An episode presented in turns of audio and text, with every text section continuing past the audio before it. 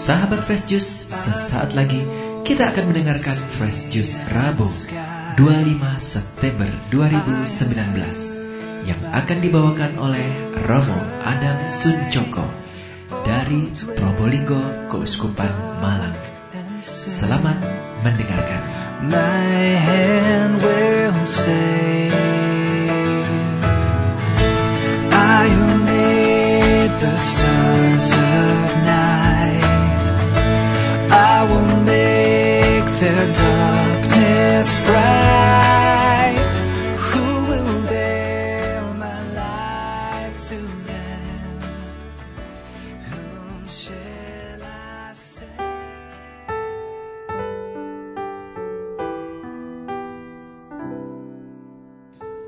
Para sahabat pendengar Fresus yang terkasih dalam Tuhan, selamat pagi. Semoga tetap luar biasa dalam damai dan sukacita Tuhan. Hari ini berjumpa kembali dengan saya, Romo Adam Suncoko, dari Seminarium Marianum Probolinggo, Keuskupan Malang. Renungan hari ini, Rabu 25 September 2019, hari biasa, pekan biasa ke-25.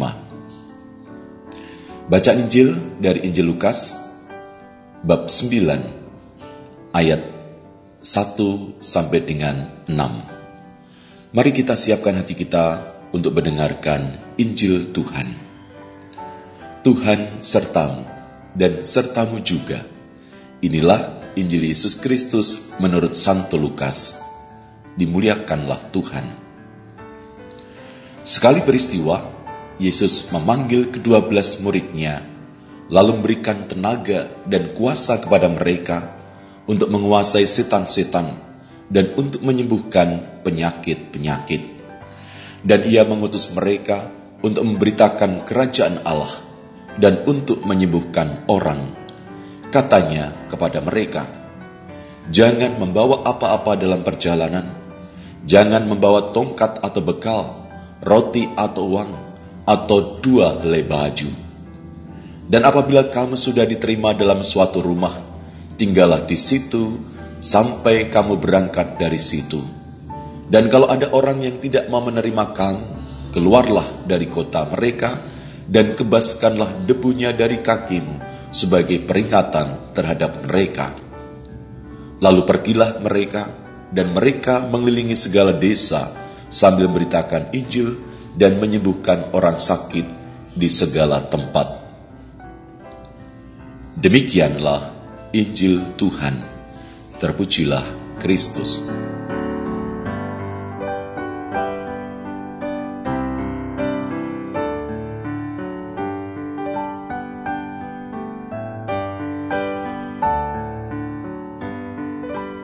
Para sahabat Fresh yang terkasih dalam Yesus Kristus. Suatu kali saya sedang cuti, saya mengunjungi teman saya yang berkarya di luar Jawa. Saya ikut membantu melayani di beberapa stasi yang jauh dan terpencil. Teman saya bercerita kalau medan tempat pelayanan sangat sulit. Ketika saya mau bepergian ke stasi yang jauh, segala perlengkapan termasuk bekal dan uang saya siapkan dengan baik. Semua itu saya lakukan karena saya menginginkan perjalanan saya lancar dan menyenangkan. Rasanya ada sesuatu yang kurang, tidak tenang dan gelisah kalau perbekalan tidak lengkap. Begitulah salah satu gambaran bahwa orang zaman ini bergantung dan sangat dipengaruhi oleh sarana dan fasilitas yang ada. Tentu saja, berdasarkan pengalaman semacam ini, kita bisa membayangkan betapa bingungnya para murid yang diutus Yesus. Bila dilihat sosok pribadi para rasul, mereka pun bukanlah pribadi-pribadi yang memiliki karisma dan kemampuan yang luar biasa. Satu-satunya hal yang membedakan diri mereka dengan orang-orang lain adalah relasi mereka dengan Yesus. Mereka tidak tahu situasi dan keadaan tempat yang mereka tuju. Ditambah lagi dengan larangan dari Yesus, mereka tidak boleh bawa bekal apa pun. Ini berarti mereka tidak bisa mengharapkan atau mengingin apa pun di dalam perjalanan itu, satu-satunya keinginan yang mereka bawa ialah keinginan Allah supaya kerajaannya dialami semua orang. Satu-satunya bekal bagi mereka ialah tenaga dan kuasa dari Yesus Kristus. Sebelum Yesus mengutus para murid, Yesus memberikan kepada kedua belas muridnya itu kekuasaan dan otoritas atas semua roh jahat dan untuk menyembuhkan penyakit-penyakit. Semuanya datang dari Yesus. Para muridnya tidak pernah pergi ke sekolah atau kuliah. Bahkan mereka belum mempunyai banyak pengalaman dalam melakukan penyembuhan penyakit dan pengusiran roh jahat. Malah mereka kelihatannya mudah merasa takut dan tidak mempunyai iman yang diperlukan. Namun Yesus memberikan kekuasaan dan otoritas atas kenyataan-kenyataan fisik maupun spiritual. Para rasul tidak menawarkan diri, mereka secara sukarela untuk misi yang dipercayakan kepada mereka. Inisiatif ada pada Yesus. Mereka sekedar diutus untuk memberi kesaksian siapa Yesus itu dan untuk memberikan kesaksian tentang kuasa Allah melalui tindakan-tindakan mereka. Para sahabat Kristus yang terkasih dalam Yesus Kristus, dalam Injil hari ini, Yesus mengingatkan para murid supaya jangan bergantung kepada fasilitas saat mereka diutus mewartakan Injil, sebab kebergantungan kepada fasilitas dapat merusak hidup murid Yesus. Yesus berkata, "Jangan membawa apa-apa dalam perjalanan." Dengan itu, Yesus mau mengatakan bahwa pewartaan Injil tidak boleh bergantung kepada fasilitas atau sarana. Fasilitas tidak menjamin berhasilnya suatu pewartaan. Fasilitas dan sarana hanya merupakan alat pendukung saja.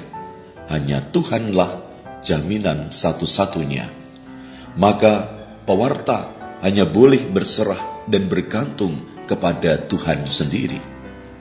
Yesus mengendaki pewartaan para murid sungguh-sungguh merupakan pewartaan tentang firman Allah dengan motivasi yang murni, motivasi yang baik, dan menjadi pewarta yang tulus murni.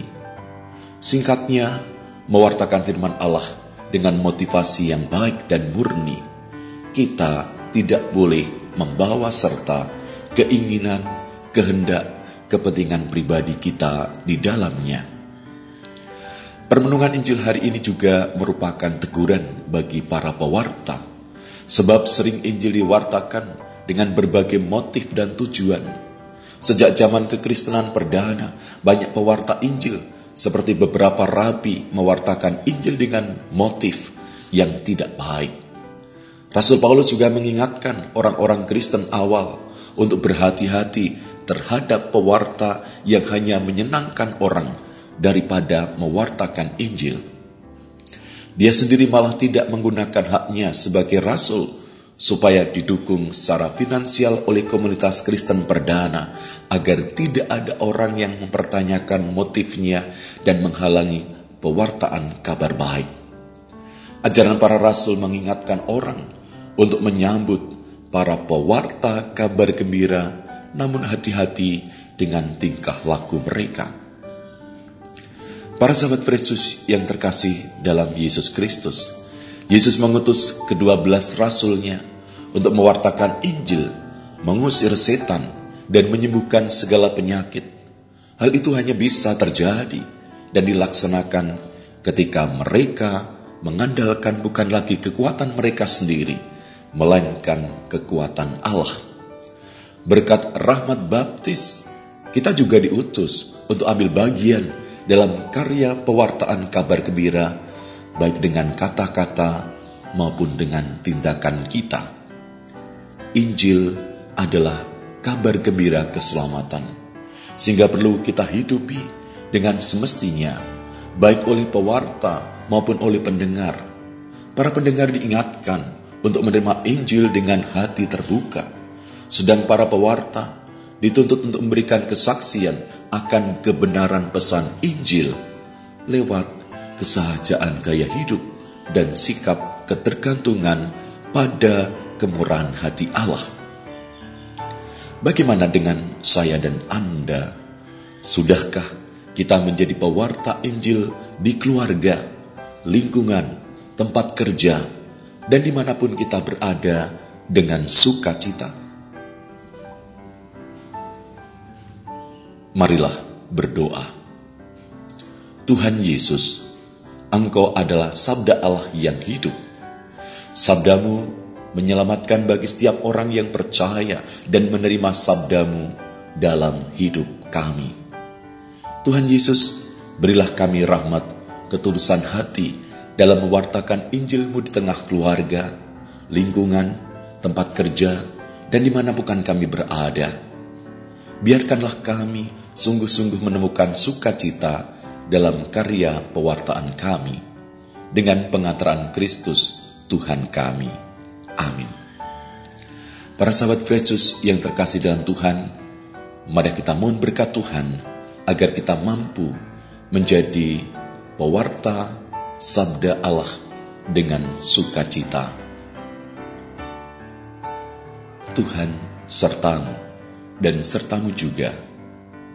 Semoga kita sekalian, keluarga kita, hidup, karya, dan harapan-harapan baik kita diberkati oleh Allah yang Maha Kuasa, Bapa dan Putra dan Roh Kudus.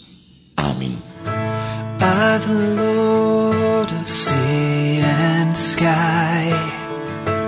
I have heard my people cry, oh, who dwell in dark and sin. My hand will save.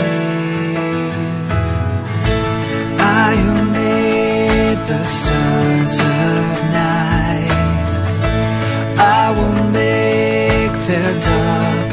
spread.